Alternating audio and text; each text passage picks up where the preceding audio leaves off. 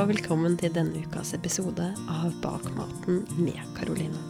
I denne podkasten så er jeg Karoline Ålum Solberg på jakt etter fremtidens regenerative matsystem.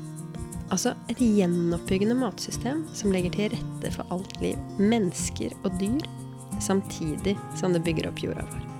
I denne episoden har jeg besøk av stortingskandidat Margit Fausko fra MDG i Buskerud. Hun er ikke her for å snakke om De grønnes politikk, men for å dele sine personlige tanker rundt dagens politiske system, biologisk mangfold i landbruket og klima- og kjøttdebatten. Helt til slutt deler hun også hvorfor hun tenker vi bør heie fram seterkulturen i Norge. Margit er i tillegg oppvokst på en melkegård i Hemsedal og har en mastergrad i agroøkologi fra Universitetet i Ås. Og du, før episoden begynner. Visste du at jeg har et nettkurs hvor jeg deler alle mine viktigste verktøy for å leve et regenerativt liv? Her har jeg kokt ned all min livserfaring og visdom til et kurs som kombinerer innsikter om mat, landbruk, personlig utvikling og spiritualitet. Så du kan gjøre verden til et bedre sted gjennom å gjøre det du kan best, nemlig å være deg. Du finner mer informasjon om kurset på bakmaten.no.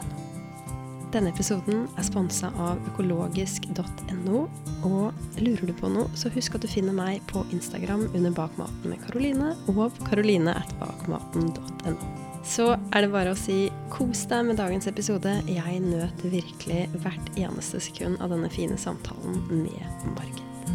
God lytt! Hei, Margit. Velkommen på podkasten. Hei, hei.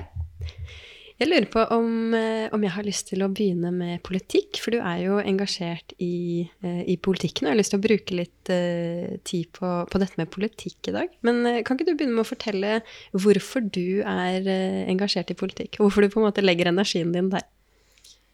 Jeg mener jo at uh, politikk og det å det å delta i demokratiet for å endre på store systemer, det det trengs. Eller det er i hvert fall en, en av flere måter å endre, endre verden på. Men jeg har jo som mål å klare å liksom gjøre uh, mest mulig for å, for å endre uh, størst mulig på uh, og, og, og, ja, gjøre, gjøre mitt for at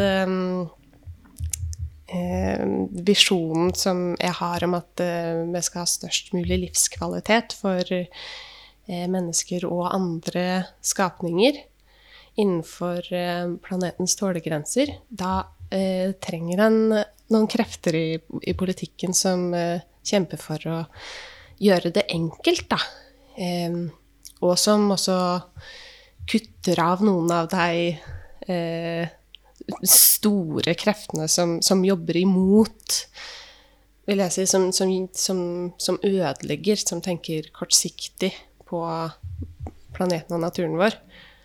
Så jeg jobber i politikken fordi akkurat nå så tror jeg at det er der jeg kan endre mest. Mm. Jeg opplever jo at vi har eh, At vi to er eh, egentlig veldig like og har eh, mye av det samme liksom, verdigrunnlaget, at, og, og, det derre ønsket om å ha har lyst til å endre verden, men at vi gjør det på to veldig uh, forskjellige måter. Uh, og så har vi jo i tillegg begge to en mastergrad i, i agroøkologi. Mm. Um, og en av de tingene jeg husker satt veldig stort inntrykk på meg da jeg studerte agroøkologi, var at vi ble gjort oppmerksomme på denne forskjellen mellom eh, dialog, diskusjon eh, og debatt. Hvor på en måte eh, dialog er en veldig sånn lyttende, nysgjerrig, man stiller spørsmål og tar imot den andre, mens diskusjon er mer en sånn meningsutveksling, mens debatt er sånn eh, eh, Sender ut sitt budskap uten å høre så mye på den andre og eh, ja, litt mer sånn eh, tanke om at, eh, at, man skal noe sted, eller vinne, da. Eh, og i politikken så er jo eh, debatt en eh, eh, Det som er mest vanlig, da. Hva er tankene dine rundt liksom, denne formen å, samtale på? Altså, jeg skulle ønske at politikken hadde mye mer dialog. Det er, det, er, slitsomt å måtte um, være i en valgkampsituasjon der eh, det handler Der diskusjonene både i media og i debattene som jeg er invitert til, handler jo om å overbevise deg som ser på, om å stemme på det, i større grad enn å ha en reelt eh, eh, Liksom en reell dialog da, med den du debatterer, den eller deg du debatterer eh, mot. Eh, og det er nok veldig, ja, veldig typisk spesielt for uh, valgkampsituasjonen. Og, jeg er jo, er jo for så vidt med på det også nå. Og uh, for, for, det Ja, det, det, det Ja, det, det er liksom Eh, sånn det er. Det er sånn du får synlighet akkurat eh, nå. Det, det, er med en viss eh, bismak at uh, det er sånn. Men, men, samtidig så så er det jo også av og til helt rett å ansvarliggjøre noen. Bruke tid på å ansvarliggjøre noen for å ha gjort noe som du mener er feil. Bruke tid på f.eks. ansvarliggjøre ansvarliggjøre deg som vil leite etter mer olje og gass, som jeg jo mener er feil. Ja, jeg, jeg, jeg, jeg ser Du er litt todelt? Jeg, er litt todelt. Jeg er litt todelt uh, på det. Uh, men altså, i en ideell verden så, så hadde vi ikke trengt å debattere for å vinne over hverandre mm -hmm. i verken debattsituasjoner eller i media. Det hadde vi hatt, kommet med hvor våre forskjellige verdigrunnlag. For det er jo eh, I det store og det hele så begynner det jo i forskjeller i verdigrunnlag. Og løsningene er ikke nødvendigvis så, så forskjellige da, hvis en har en god dialog med hverandre. Og det er også en av grunnene til at jeg har lyst inn på Stortinget, er at jeg tror jeg er en av de som er relativt god på å bygge bro og ha dialog. For jeg er veldig nysgjerrig på erfaringene og innsiktene som andre mennesker har. Um, og uh, håper at uh, det at jeg liker en dialogisk tilnærming, kan bidra til å kanskje åpne dører som ikke har vært åpna før inne på, i stortingskorridorene. Mm -hmm i, i din ideelle verden, hvordan, eh, hvordan, driver vi politikk? Oi mm. Og det er et uh, stort filosofisk spørsmål eh, tidlig på morgenen. um, nei, men altså Det at vi uh, har valg um, eh, hva heter det, altså arbeidsprogram som vi går til valg på. Det er ulike partiene, og at vi har liksom valgløfter som er veldig ofte ganske konkrete, og så blir vi valgt for å levere på deg. Det gjør at eh, vi At politikere i mindre grad har rom for å eh, endre mening dersom ny kunnskap oppstår. Ja, det, det spørs jo også litt hvordan partiet har formulert seg, og det er veldig klokt å formulere seg mener jeg, mest mulig eh, målorientert. Hva er det vi vil oppnå? Sånn at han ikke binder seg til noen tiltak i altfor stor grad som en angrer på, eller som man kan, som en kan finne ut av gjennom eh, ja, ny kunnskap eller dialog underveis. At eh, ja, nå nå skifter vi. Så rom for at vi, vi, er de menneskene vi er som er i konstant forandring, på en måte? Ja, det er en fin måte å si det på. Ja. Men det trenger jo også en, i så fall en aksept ifra eh, velgerne, som gir oss eh, tillit til å representere deg, for at eh, vi kan bli mer representert basert på et uh, verdigrunnlag og noen tilnærminger. Ja. Men det, det ville vært veldig ideelt. du var jo inne på det her med um, disse konfliktene som oppstår. Og, og du tilhører jo eh, Miljøpartiet De Grønne, og jeg vet at Vi skal på en måte ikke bruke eh, veldig mye tid på eh, eh, de, de, grønnes politikk i dag, for vi er her for å eh, bli kjent med, med, deg og dine meninger. Men eh, en ting som jeg har lagt merke til, er jo når man på en måte setter ord som miljø og landbruk eh, i, i, samme setning, så er det veldig mange som fyrer veldig opp, da. Og det er, jeg opplever eh, på mange måter veldig steile fronter mellom eh, de som er opptatt av miljø, og de som er opptatt av landbruk, mens du står jo midt inni og er eh, dine hjertesaker er jo både miljø og landbruk, og forene det, på en måte. Hvorfor tror du det blir så steile fronter når man på en måte ja, kombinerer landbruk og miljø, da? Altså, det er jo det vi må endre på, da, mener jeg. Fordi ja, landbruk er miljø, miljø eh, er i stor grad også bruk av land. Og eh, nei, denne konfliktlinja som er i dag, eh, en del plasser i hvert fall, mellom uh, miljøbevegelse og landbruk, bunner eh, i hvert fall i to ting, tror jeg. Det ene er at um, landbruket er veldig pressa. Um, mange, mange som utøver uh, ulike former for landbruk, er uh, Jeg opplever ensomhet, f.eks., for eksempel, fordi at uh, det har ikke det fellesskapet det hadde før, fordi veldig, veldig mange har, har slutta. Um, Så det er færre, færre, færre, bønder i dag? Det er, det er færre bønder, og du blir pressa på marginer. Du blir pressa til å effektivisere drifta di hvert eneste år. Og du har kanskje økonomiske Eh, bekymringer som er veldig store.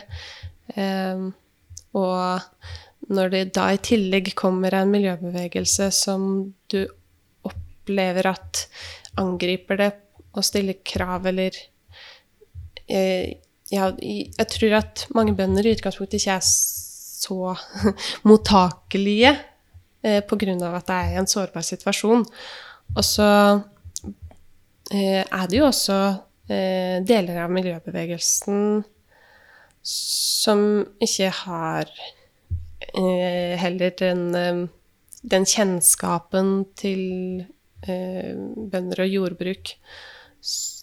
Fordi vi har eh, et sterkt urbanisert eh, samfunn, og det er jo blitt færre gårder, så det er jo færre som er vokst opp med det. Det er jo miljøengasjerte ungdommer som Eh, i, det er jeg blant de som i størst grad oppsøker kunnskap om hvordan, hvordan eh, jordbruk, landbruk, eh, skjer, hvordan det kan skje på en bærekraftig måte, og eh, heier på at eh, bøndene skal få en bedre Eh, økonomi, en bedre hverdag, bedre velferd og større rom da, for å kunne holde på med jordbruk på en måte som Også ta vare på miljøet? De også tar vare på miljøet, og som, og som kanskje også bonden er eh, mer fornøyd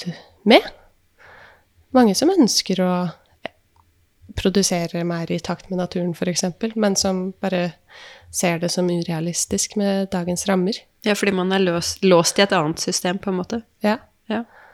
Så det er litt det systemet som miljøbevegelsen rokker litt ved, da. Det man er låst i, på en måte. Ja. Det kan du si. Um, og det um, Da kommer du litt tilbake til hvorfor jeg vil endre politikk. For det ser um, Det er veldig mange veldig flotte eh, enkeltmennesker som klarer helt sånn fantastiske ting ved å liksom lage regenerative matsystemer, eh, sette ting i kretsløp, ha en helhetlig tilnærming eh, til eh, hvordan de involverer folk i lokalsamfunnet og liksom virkelig, virkelig klarer, klarer ting på, på, helt på tross av alt som finnes av eh, politiske rammer, rammer mm -hmm. for det. Og det er veldig inspirerende, eh, syns jeg. Så det må en støtte opp om. Eh, men jeg tror også at det, det er mange som ikke klarer å se seg sjøl av de mer konvensjonelle bøndene, som ikke klarer å se seg sjøl i deg, da. Og som tenker at skal jeg drive mer i den retninga, så, så, så, må det noen store endringer til. Det må mer lønnsomhet til. Det må eh, Ja.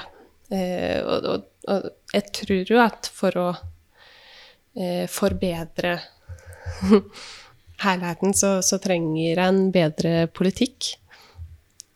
For, å, for, å, få med seg også deg som ikke har liksom ekstra, den ekstraordinære gnisten. Mm. Ja, for du var jo på en måte inne på to, to forskjellige tilnærminger her. Enten, enten, det å på en måte bare eh, Jeg vet ikke hva jeg skal si, gi litt beng i politikken og gå helt sin egen vei mm. og, og, og, og, jobbe utenfor de rammene som fins. Mm. Eh, eller det å forholde seg til de rammene som, som fins. Har du noen tanker om på en måte eh, hva er fremtiden, og, og, hvordan skal vi på en måte bevege oss fremover i, i landbruket? Vi trenger begge deler. Ja. Eh, nedenfra og opp. Eh, gir fantastisk eh, inspirasjon, viser eh, vei, finner nye metoder å eh, løse ting på som vil være nyttig for hele jordbruket. Og det kobler det nedenfra og opp-tilnærminga er også flinkere på å koble på resten av samfunnet og gjøre resten av samfunnet engasjert. Um, og på å legitimere en større politisk vridning som går ovenfra og ned, og som eh, sikrer gode rammer for eh, alle de andre til mm. å bevege seg i den retninga. Det er i hvert fall det jeg tror på. Mm. Ja. Så nok en gang liksom løfte fram nyansene, og at man, man, trenger begge deler her, og at det er ikke én eh, fasit, da. Nei. Det um, går an å det, det, er vel sånn med de fleste større eh, sektorer eller problemer at å eh, angripe det fra forskjellige vinkler er eh, øker jo bare muligheten for å endre på det. ja, ikke sant. Um, jeg vet at det å, um, å være en uh, ung og engasjert jente med uh, mange meninger kan vekke uh, vanskelige føler, følelser hos, um, hos andre, og, og, kanskje spesielt synlig i politikken i form av liksom hersketeknikker og ja, Å bli på en måte utsatt for sånne ting. Hva, har du noen erfaringer med det? Eller hva er dine erfaringer rundt, rundt det å være ung, engasjert jente i politikken? Nei, det eh, Jeg opplever jo tidvis at eh, mange ikke tar meningene mine seriøst. De bruker stråmenn, som man kaller det. altså Eh, bygger seg opp en forestilling om hva de egentlig mener, og så hamrer de løs på det jeg liksom mener. Eh, men så er det jo ikke det jeg mener. Istedenfor å høre på det? Istedenfor å lytte, ja. Um, og jeg har eh, ganske solid um, erfaring nå med diskusjonsforumet Venner av norsk landbruk.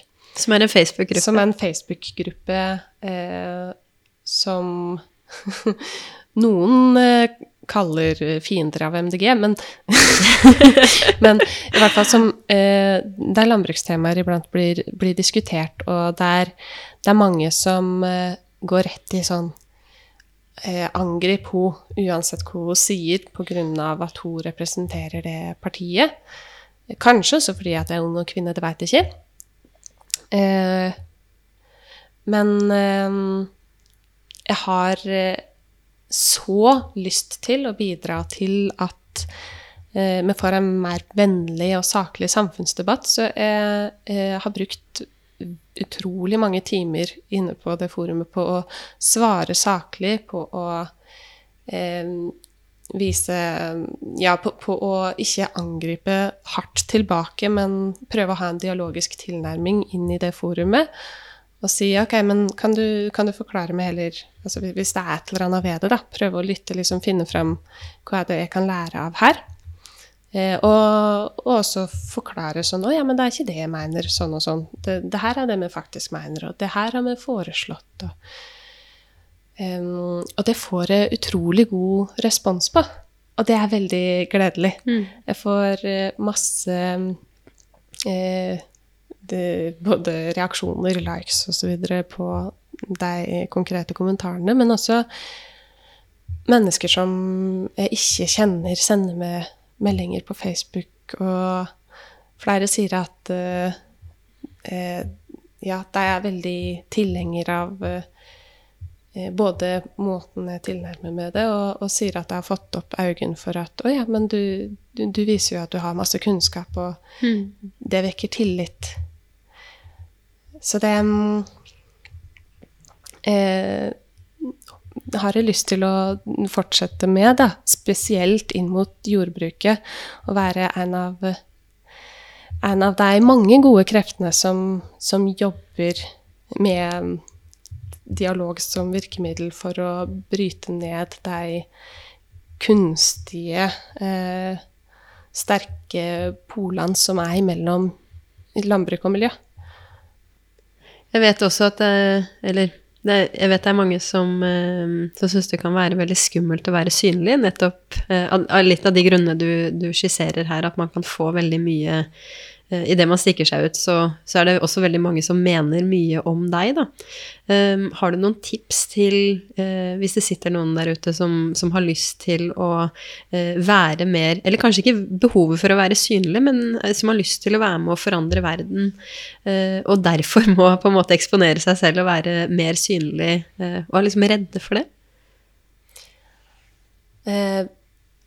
tipset eh, basert på mine erfaringer i hvert fall, med å eh, ha en åpen og eh, dialogisk tilnærming til deg som kritiserer en, det, det er at eh, Eller jeg mener at det er et godt eh, tips, i hvert fall om en skal følge opp et eller annet uh, utspill, av mening han har hatt som blir kritisert. Da.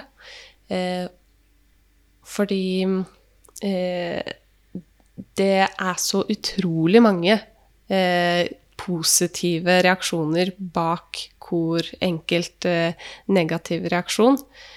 Eh, og det, det, ser nok eh, ikke de fleste, men jeg har sett det. Og eh, for så vidt også får de type kommentarene også fra folk som ikke reagerer på i kommentarfeltene eller sier noe på Facebook, men som møter med virkeligheten sånn Ja, jeg så, så hvordan du eh, prata i det forumet, det var, det var kjempebra. Og tipp topp tommel opp. Så jeg tror eh, at Ja. Å ha sterke meninger. Du kan ha kjempesterke og veldig kontroversielle meninger også. Men hvis du bare har en lyttende og dialogisk tilnærming eh, hvis du skal diskutere det, i hvert fall på, på internett, så bygger du eh, masse respekt. Og um, sakligheten, den er alltid den som har størst sympati. Vi har en voksende bølge eh, også i, i, Norge som eh, vil vise sin avstand ifra det polariserte og fiendtlige. Mm. Eh, og eh, vise sin støtte til enhver som er modig og eh, sier meninger, eh, eh, og som også har den tilnærminga.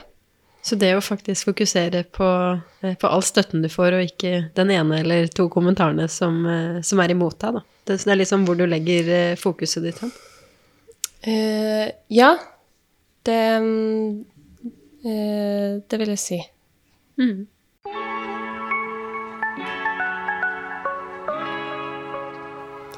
Jeg har lyst til å, å gå litt over til uh, å snakke litt mer sånn om, eh, om ulike temaer. Jeg har lyst til å begynne med, med klimaendringer. Eh, og eh, et ord som jeg opplever egentlig er veldig politisk, eh, og som jeg kan synes det er, er, litt vanskelig å engasjere meg i. For sånn som jeg ser på eh, klimaendringer, så syns jeg det, det, ser ut som at klimaendringene er et symptom på alt som ikke fungerer i dagens matsystem, og istedenfor å ta ting ved, um, ved røttene, så um, ja, så, så, snakker vi om klima og prøver å symptombehandle. Har du noen måte tanker om, eh, om dette med eh, klimaendringer i, i, den konteksten? Mm -hmm. Jo... Før du svarer, så, så, kan jeg jo komme med litt sånn kon mer konkret, for det, det, kunne kanskje bli litt uh, svevende når jeg, når jeg, tenker på liksom um, Det som er kanskje roten av, av mange ting, kan jo uh, Eh, kan jo handle om å, å, ta vare på miljø, ta vare på uh, dyrevelferd, uh, beitearealene våre, eh, en del sånne ting. Og hvis man får det på plass, er også det positivt for klimaet, da. Mm. Ja, altså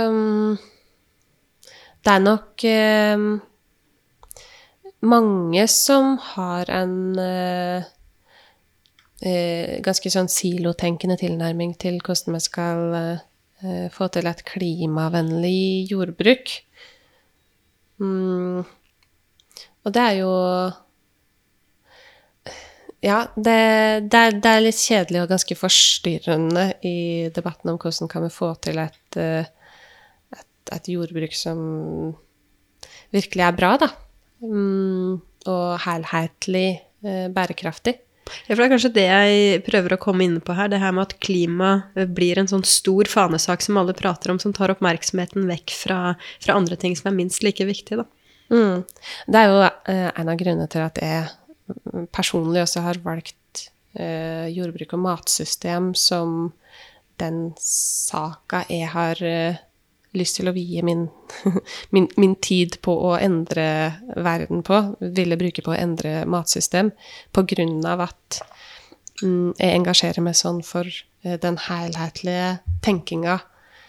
Eh, det å redusere eh, matdebatten til en klimadebatt, det kan jo være en fristende ting for mange som, som, som bekymrer seg så utrolig for klima, som det virkelig gjør med rette.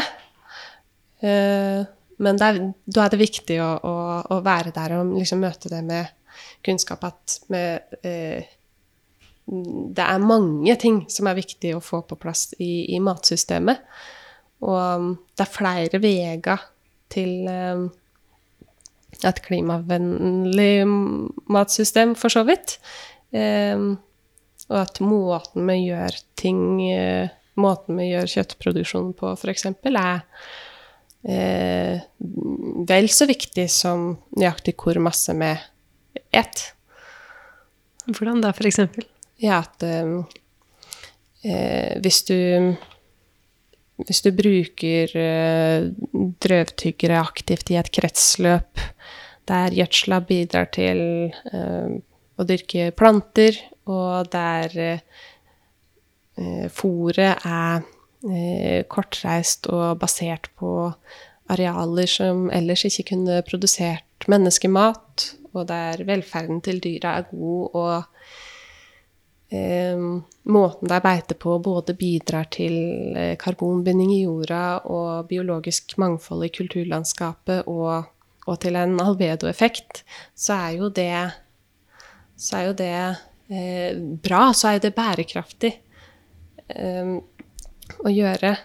Eh, og eh, hvis du har et matsystem Hvis du ser for deg at du har et matsystem der du har eh, det her, og så tar du vekk drøvtyggeren, så, så er det så masse som, som liksom faller vekk, da.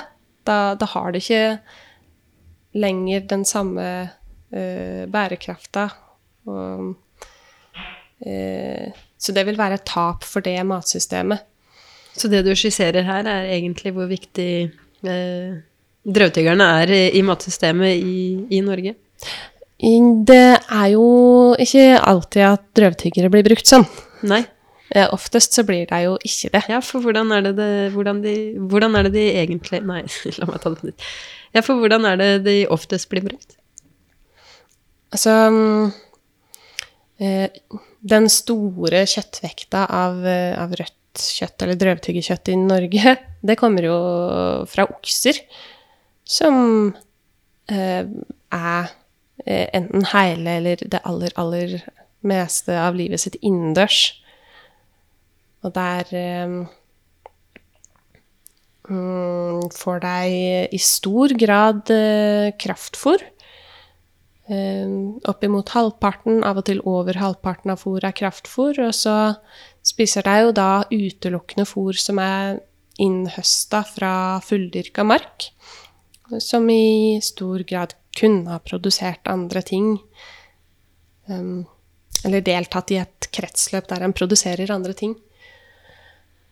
Og um, det er jo et visst kretsløp i det, fordi at møkka blir jo brukt ut på jordet igjen. Men det kretsløpet til en innegående okse som har uh, ca. halvparten uh, kraftfôr i fôrrasjonen, det er jo så fattig. Og i forhold til det som er den, den beste bruken av en drøvtygger. Som var det du skisserte i stad? Som var det jeg skisserte i stad. Det, det, er tilfeldigvis det her jeg har skrevet også masteroppgaven min uh, om i agroøkologi. Uh, Hva var tittelen? 'Kastrerte okser'. En joker i møte med urøkte inn- og utmarksbeite. Ja. ja. Så um, der har jeg sett på uh, hvordan det er veldig, veldig få som driver med beitebasert eh, okseproduksjon gjennom å kastrere oksene og så bruke deg i, i, ja, på beite, enten i utmark eller i Noen bruker det også i et sånn roterende eh, kretsløp med plantematproduksjon. Eh, sett på hvordan de gjør det, og lager en sånn teoretisk skissering av hvordan vil matsystemet i Norge så ut om alle okser blir eh, produsert eller avla fram på den måten. Mm. Du, du, snakker om kastrerte okser her, og er det sånn, eh, har jeg forstått det riktig, hvis oksene stort sett er inne fordi de er eh, aggressive, og når du eh, kastrerer de, så er det lettere å, eh, å håndtere de og ha de ute? Ja, det er riktig. Vi har jo vært inne på, eh, på, elementer av det, men hvordan ser du på en måte for deg fremtidens regenerative matsystem? Et, et, et matsystem i det store bildet som liksom bygger opp alt vi har eh, bygd ned, da. Alt vi har fortært. Mm, det er jo eh, så mange fine eh, lokale løsninger ofte på det. Mm, og hvor konkret som er det beste på hvor enkelt eh, Hvor enkelt jorde, hvor enkelt går, og hvor enkelt eh, region, det, eh, det finnes det jo ikke et helt sånn generelt svar for. Men eh, I hvert fall ikke hva som er hele svaret. Men eh, det å Det å klare å få Eh, flere hender i jorda tror jeg er veldig viktig. Flere involvert i matproduksjonen. Sånn at eh, vi til sammen har eh, både eh, vier nok tid eh, og også nok kjærlighet til måten vi produserer mat på. Det er en kjempeviktig nøkkel. Og det legger til rette for at vi kan eh, ja, ha mer eh, samplanting og eh, dyrke ja, dyrke korn og frukt og grønt der en i dag lar være å drive med ensidig husdyrproduksjon, så kan en få et større, ja, et større mangfold eh, og et større samspill. Eh, og i større grad etterligne det som er naturens eh, egne prosesser. Så um, ser jeg for meg at uh, uh, i framtidas uh, Eller altså den, regenerative kursen vi trenger for jordbruket, må jo også bygge opp Fokusere sterkt på å bygge opp livet under jorda. Eller i jorda. Ja, under bakken, mener jeg. i jorda. Veldig bra poengter. Um, fordi eh, i dag så har eh, jo mange et altfor mekanisk forhold til jord. Jord er liksom en plass i, for mange der du der du liksom Ja, du pleier, og så tilsetter du det du trenger for uh, planteveksten, og så er det en lineær tilsetting av kunstgjødsel. Og så um, um, sprøyter du uh, fordi det blir sykdommer, eller møter ofte det med, med sprøyting. Behandler det som et vekstmedium, rett og slett? Ja. Eller jeg vet, jeg har snakka med flere som ikke liker dette ordet vekstmedium, for det, det tar ikke høyde for uh, kanskje det du er på vei inn i mm. nå, det at jord er så mye mer, da. Ja. Det å liksom virkelig se på jorda som heller noe Altså, det, det, det er jorda en gjødsler, det er jorda en pleier. Altså, hvis en tar godt vare på den, så vil den hjelpe til med å mm, gi planter som har eh, ja, sunne vekstvilkår, eh, og som er robuste imot uh, ulike former for naturangrep og, og også klimasjokk, sånn som tørke og flom. Og i dette, dette matsystemet som du skisserer, hvordan, hvordan ser kostholdet ut? I Norge, i en norsk kontekst. For som, som du på en måte var litt inne på, så, så er jo matsystemet en, en lokalting, og som ser forskjellig ut fra, fra, sted til sted i verden. Mm. Altså, kostholdet er jo um, mer, uten tvil, mer plantebasert. Og um, eh, der plantene vi eter også, vil uh, være uh, sunnere, hvor enkelt plante vil ha mer eh, næring, mer smak på grunn av at jeg dyrka eh, med tanke på, eh, på kvalitet, og at jeg har fått eh, tid til å vokse, vokse seg stort sakte nok. Um, så um, eh, er det kjøttet og den, den, de melkeproduktene og de eggene som vi et, det er mm, Det er mindre, men det har bedre kvalitet. Eh, det er fra dyr som har hatt bedre liv. Og det er også fra matsystem som tar eh, eh, hele, hele dyret i bruk. Og, og, og, som også um, sørger for at det ikke er enkelte dyr som systematisk blir eh, eh, ekskludert fra matsystemet ved fødsel, sånn som hannkyllinger i eggønsproduksjon blir i dag, eller kje. Ja, som blir bare tatt livet av med en gang ja, de blir klekka. Ja. Vi må ha et matsystem der alle, alle dyr som vi bringer til livet, har en, har en plass og skal leve et fullverdig liv. Nei, eh, og i en norsk kontekst da, så er det jo sånn at vi har eh, mye gras og mye beite i store deler av landet, og vi bør eh, derfor ha mindre produksjon av kylling, vesentlig mindre produksjon av kylling og svin enn det vi har i dag. Hvorfor det? Fordi at de eh, trenger jo egentlig menneskemat for å vokse seg store. Altså kraftfôr? Ja, kraftfôr. Kan ikke du, for de som ikke er så kjent med det, forklare liksom sammenhengen mellom kraftfôr og menneskemat? Ja, um, kraftfôr eh, består jo litt sånn enkelt eh, sagt av eh, korn og raps eller noe no oljevekster og um, noen proteinvekster, eh, da særlig soya. Og um, det er sånn at eh, Ja, så og Veldig masse av det fôret og nesten, egentlig nesten alt, det kan jo fordøyes av en menneskemage. Mm. I motsetning til gress. Mm. Ja, i motsetning til gress, som eh, det er bare drøvtyggermager som, eh, som kan fordøye og få næring, næring ut av.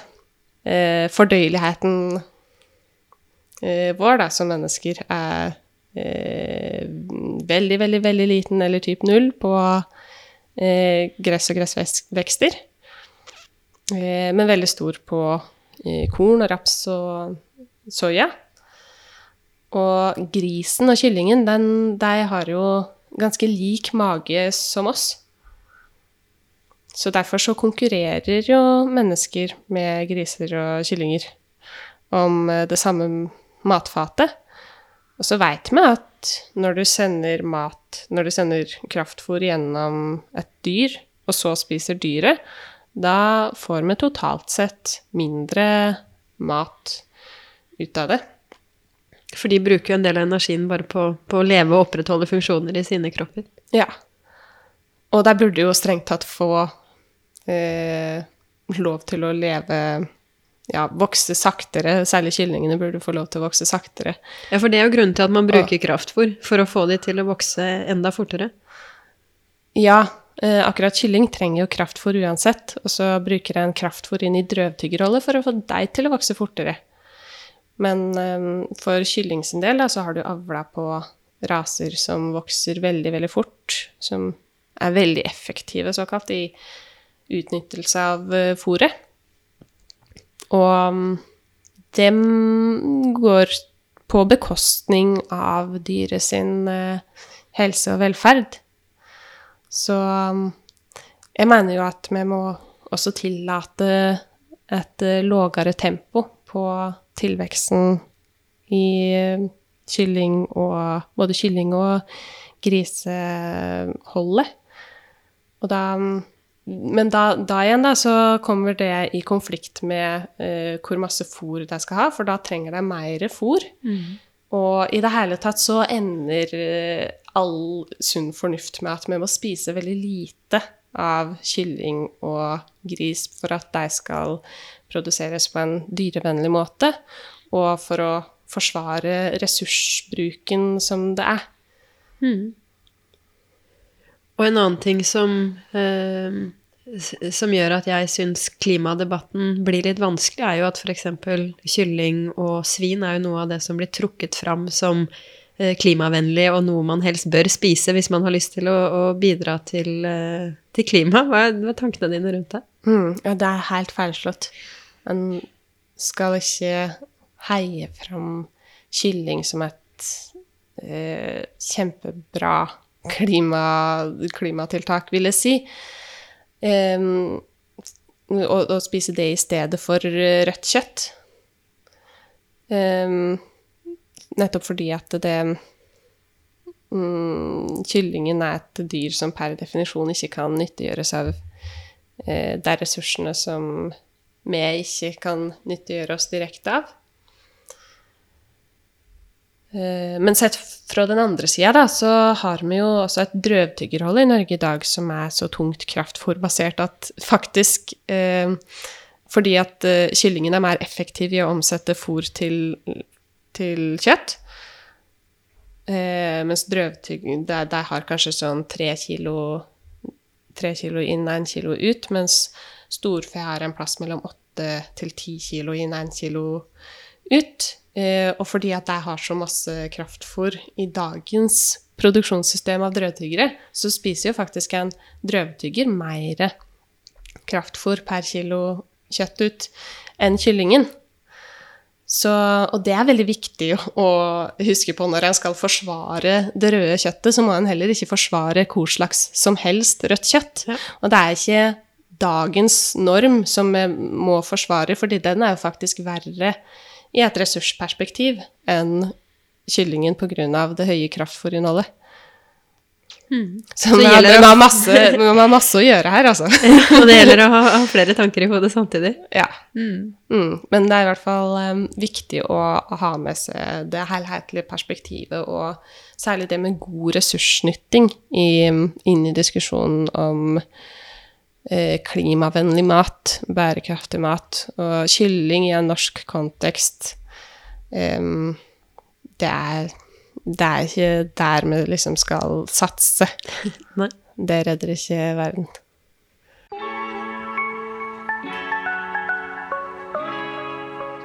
Det er jo mange måter å, å, å tenke rundt det her med å um, Hvordan skal jeg si det? Endre eh, For det du skisserer her, er jo på en måte en total kostholdsendring i Norge, og jeg tror veldig mange ville sagt at, eh, at eh, vi kan ikke begynne i den enden, for eh, hvis man legger de produktene i butikken, så, så vil ikke forbrukeren betale for det, eller, eller kjøpe det, så de kommer til å gå ut av markedet. Hva er på en måte tankene dine rundt den endringen vi står ovenfor i et sånn markedsperspektiv?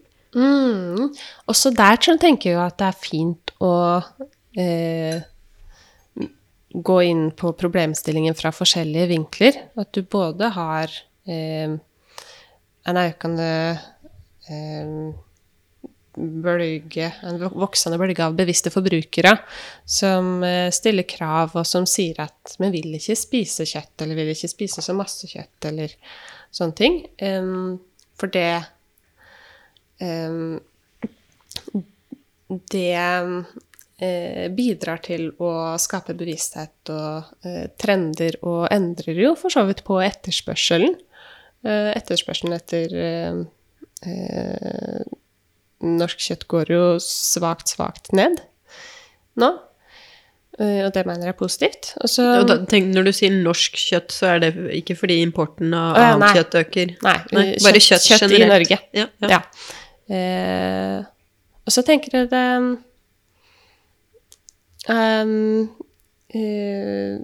Fint å endre, eh, endre kostholdet også gjennom å um, endre måten vi produserer på. Stille, når vi stiller sterkere krav til dyrevelferd i produksjon, så blir kjøtt dyrere. Og da blir eh, eh, Da går også forbruket ned.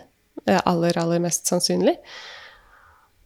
Um, så, så det å eh, jobbe både så, sånn fra forbrukersida, men også produksjonssida parallelt, det, det tror jeg gir eh, den samla sett den mest effektive måten å liksom, endre systemet på.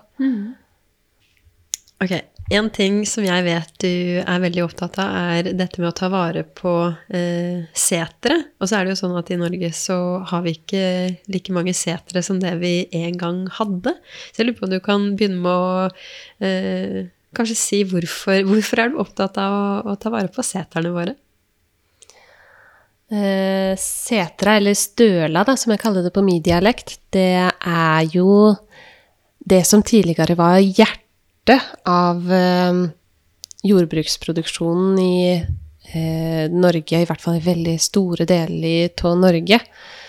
Eh, og det gikk ut på å bruke ressurser, bruke gras og busker og urter i, i fjell og skog og eh, på hei til å produsere mjølk og mjølkeprodukt i den mest fruktbare årstida, nemlig sommeren. Eh, og da eh, flytter gjerne familien eh, opp og liksom flytta seg etter der beitene var klare til, eh, til bruk, og hadde mye, mye kultur også rundt det. Hva slags kultur tenker du på da? Um, nei, så det er jo både eh, mm, masse Sjølsagt matkultur, eh, ysting og annen form for mjølkeforedling.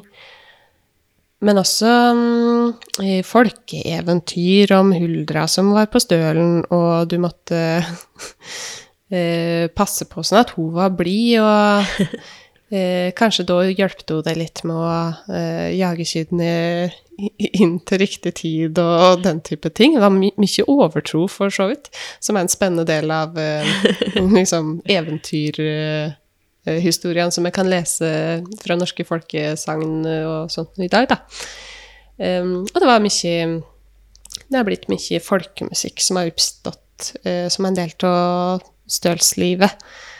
Uh, med de ja, type dansetreffer som en typisk hadde. Det var en veldig sånn flørte, flørtetid. uh, mye musikk og uh, vise og sånt noe rundt det. Så det er en masse fin historie tilknyttet uh, stølsdrifta, som jeg er stolt av, eller blir liksom fascinert av å høre om, og, og også ha et uh, såpass nært band til gjennom min familie. Ja, for du kommer jo fra gård. Jeg kommer fra gård og er oppvokst med, med stølsdrift. Har, en, uh, har hatt en godfar, altså en bestefar, som har vært veldig flink til å formidle om hvordan ting pleide å være på, på stølen. Så, og det, det, her er jo uh, grunnen til at en eh, ser på norsk stølsdrift som liksom verdig en plass på UNESCO sin verdensarvsliste også. Det er mye av den historien som hører til. Og så har du alle de andre effektene som, som er eh, på matsystemet, da, med at eh, en kan spare innmarka, den gode innmarka som er nede i dalen, kan en spare til eh, å enten produsere vinterfôr eller korn eller plantemat til, eh, til eh, folk. Eh, gjennom at en bruker helt andre ressurser på sommerhalvåret. Og det mm, tenker jeg vil bli viktig for uh, vår, uh, vår sjølforsyning, vår matberedskap. Særlig i møte med en voksende klimakrise. Så er det ikke sikkert at vi kan importere det kraftfôret til de kyrne. Det er ikke sikkert vi kan importere de grønnsakene eller det, det kornet. Da må vi bruke arealer som vi har, smartere. Og stølsdrift er en måte å bruke arealet vi har, smartere på. Mm. Og hvilken rolle har setere i, eh, i, forhold til å ta vare på biologisk mangfold? Der eh, er det jo eh, sjølsagt eh, veldig mange setere som bidrar til å holde oppe landskap, åpne landskap, og eh, ja, bidra til et rikt biologisk mangfold i form av eh, blomster og Eh, pollinatorer og andre insekt, og sopper, ikke minst. Um, så det, det, det, varierer jo riktignok bitte litt fra liksom hvor, hvor en uh, har en seter. Uh, men mange seter er på, uh, på sånne type kulturlandskapsareal som i dag står i fare for eller har blitt gjengrodd. Eh, og dermed ikke lenger er et eh, habitat for eh, de artene som, som pleide å leve der da stølene var i bruk. Og kulturlandskapet er jo heim for 24% av den norske raulista i dag, og er truga av at vi har opphørt bruken som pleide å være, og lagt om til helt andre produksjonsmetoder. Men for de som ikke er kjent med, med liksom disse mekanismene i naturen, sånn helt konkret, hvilken rolle har kua? For hvis man på en måte bare ser for seg kua som er ute og beiter, så kan man jo kanskje tenke at de bare er ute og spiser opp alle de blomstene, eller liksom, liksom hvordan, hvordan, henger det sammen? Um, altså, det har jo levd i samspill gjennom uh, mange hundre år, uh, disse plantene og og kua. Eh, så eh, Men mer sånn konkret hva som skjer, så er det jo det at mm, Det er ofte snakk om arealer der eh, det er andre planter som ville naturlig tatt over, sånn som, sånn som, trær og busker.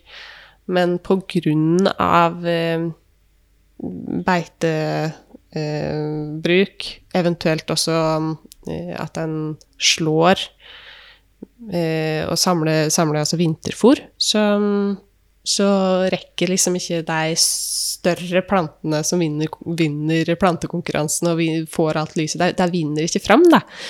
Og da får du et ganske sånn unikt eh, vekstforhold med liksom den type jordsmonn og eh, lysforhold som ja, som, som, gjør at uh, det vokser fram et, et, rikt biologisk mangfold. Det er også veldig ofte eh, ganske næringsfattig jord, som uh, jo kan være litt sånn uintuitivt at den næringsfattige jorda er den som er rikest i biologisk mangfold.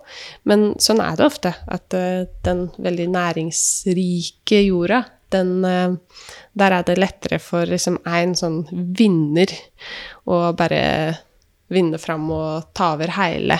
Så det blir mindre mangfold? Ja, det blir mindre mangfold. Så, og kua bidrar jo til å holde landskapet oppe, og så er det jo også masse eh, biologisk mangfoldaktivitet, eller biologisk aktivitet um, tilknyttet liksom møkka som kommer ut fra kyra, og liksom nedbryting av det, og mye, mye sopper og insekter som koser seg med det også. Mm. Men det er jo på en måte en, en, en grunn til at uh, seterne, seterne har, har, forsvunnet, og, uh, uh, og at det på en måte ikke er rom for det i det landbrukssystemet vi har uh, lagd oss i dag, og i den moderne verden, på en måte. Hva er tankene dine rundt og Eller hva er liksom visjonene dine for, for fremtidens setebruk, og ja, hvor, hvor, realistisk er det å, å få tilbake seterne våre? Vi kommer til å få tilbake stølsdrifta, eh, om enn i en litt eh, ny innpakking, eh, med kanskje hjelp også av ny teknologi. Eh, men i hvert fall der, der eh, ressursen, arealet, eh, er i fokus, når vi for alvor verdsetter biologisk mangfold, og mm, tar inn over oss at uh, det vil øke norsk sjølforsyningsgrad.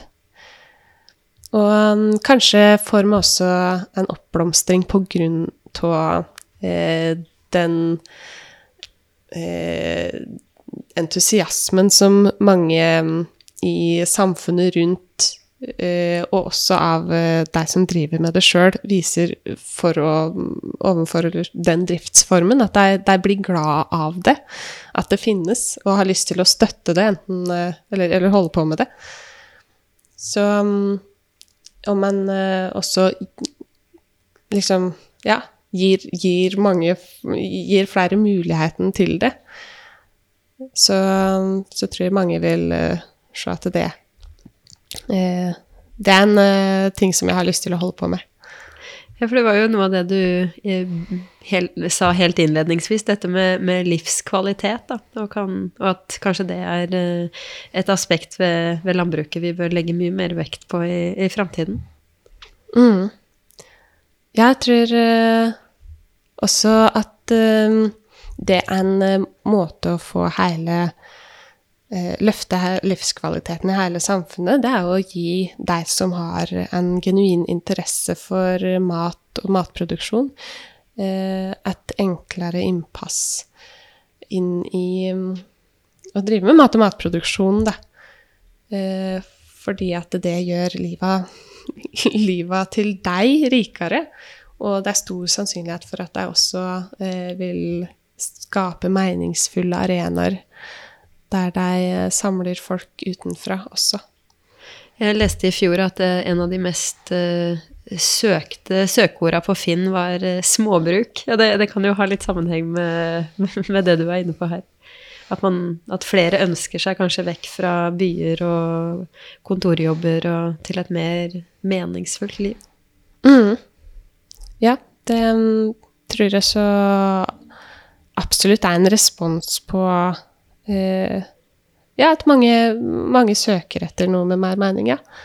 Og at jeg finner det i det mest jordnære eh, som fins, som er å dyrke jord, ha, eh, kanskje ha noen husdyr og um, ha en ro rundt seg. Han lever i pakt med natur. Um, det det syns jeg, som, som, oppvokst som uh, uh, fjøsjente sjøl, at det gir veldig mening. Jeg har jo også lyst til å gi den formen for oppvekst som jeg hadde, videre til mine barn, fordi at jeg veit hvor verdifullt det kan være for et menneske. Mm. Vi er nødt til å, å begynne å, å, tenke på å avslutte, Margit. Men jeg, jeg har et sånn fast uh, avslutningsspørsmål som jeg vil stille først. Og det er uh, hva gir deg håp? Engasjement og um, folk som uh, Folk som tør å si ting de mener. Folk som uh, er villige til å eh, endre på hvordan de lever. Folk som er villige til å eh, for så vidt protestere mot eh, urettferdighet. Mm, ja, engasjement gir meg håp. Mm. Tusen, tusen takk for at du var med på podkasten. Takk for at du fikk komme. Det var kjekt å være her.